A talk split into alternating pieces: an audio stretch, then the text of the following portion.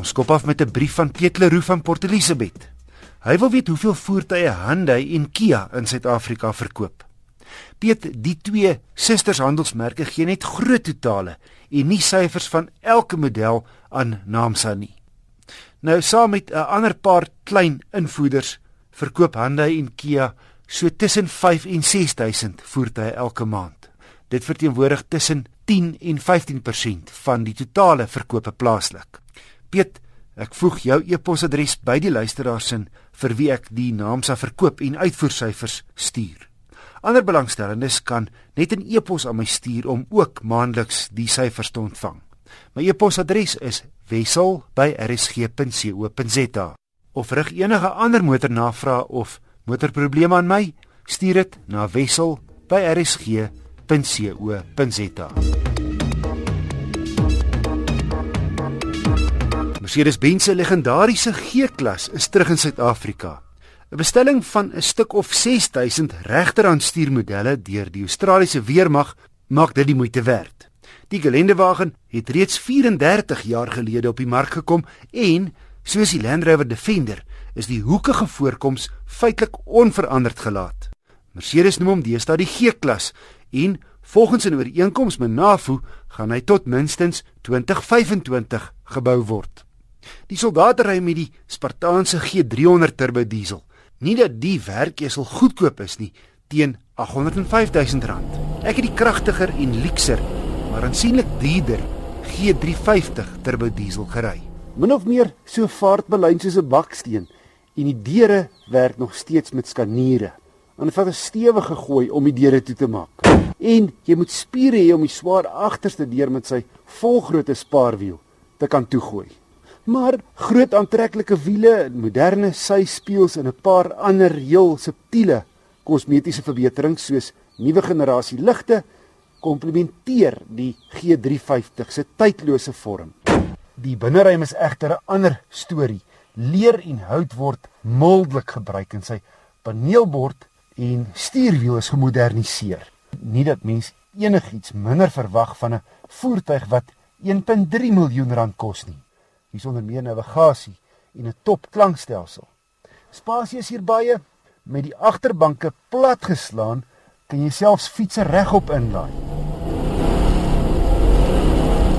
'n 3 liter turbo diesel doen diens, 155 kW en 540 Nm, gekombineer met 'n 7-spoed outokas, laat jy vergeet hoe swaar die wa regtig is.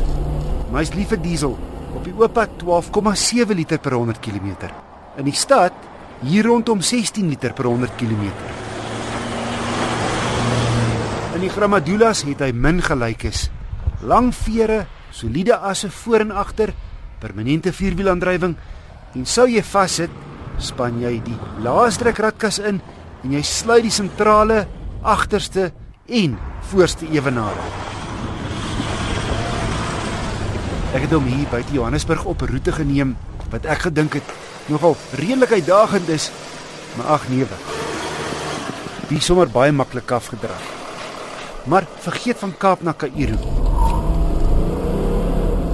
Die moderne Bluetech masjien drink net laaswaal 50 ppm diesel. Op op te som, sekere mense sal nie van die Mercedes G350 hou nie. Hy's lomp omdraaie, die kragstuur is swaar en die deure verg moeite.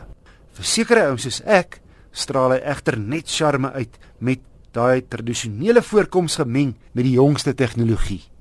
Maar hy's peperduur vir sy 1,34 miljoen rand. Kan jy 'n Defender stasiewa, 'n Land Cruiser bakkie en 'n Mercedes C-klas koop?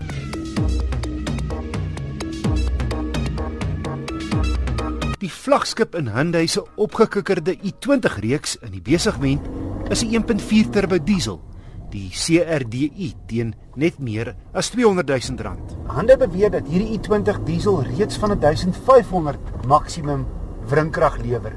Maar in praktyk het jy eintlik eers hiervan 2000 toere af krag. Dit beteken dat die kragband redelik nou is tussen 2000 en 4000 toere.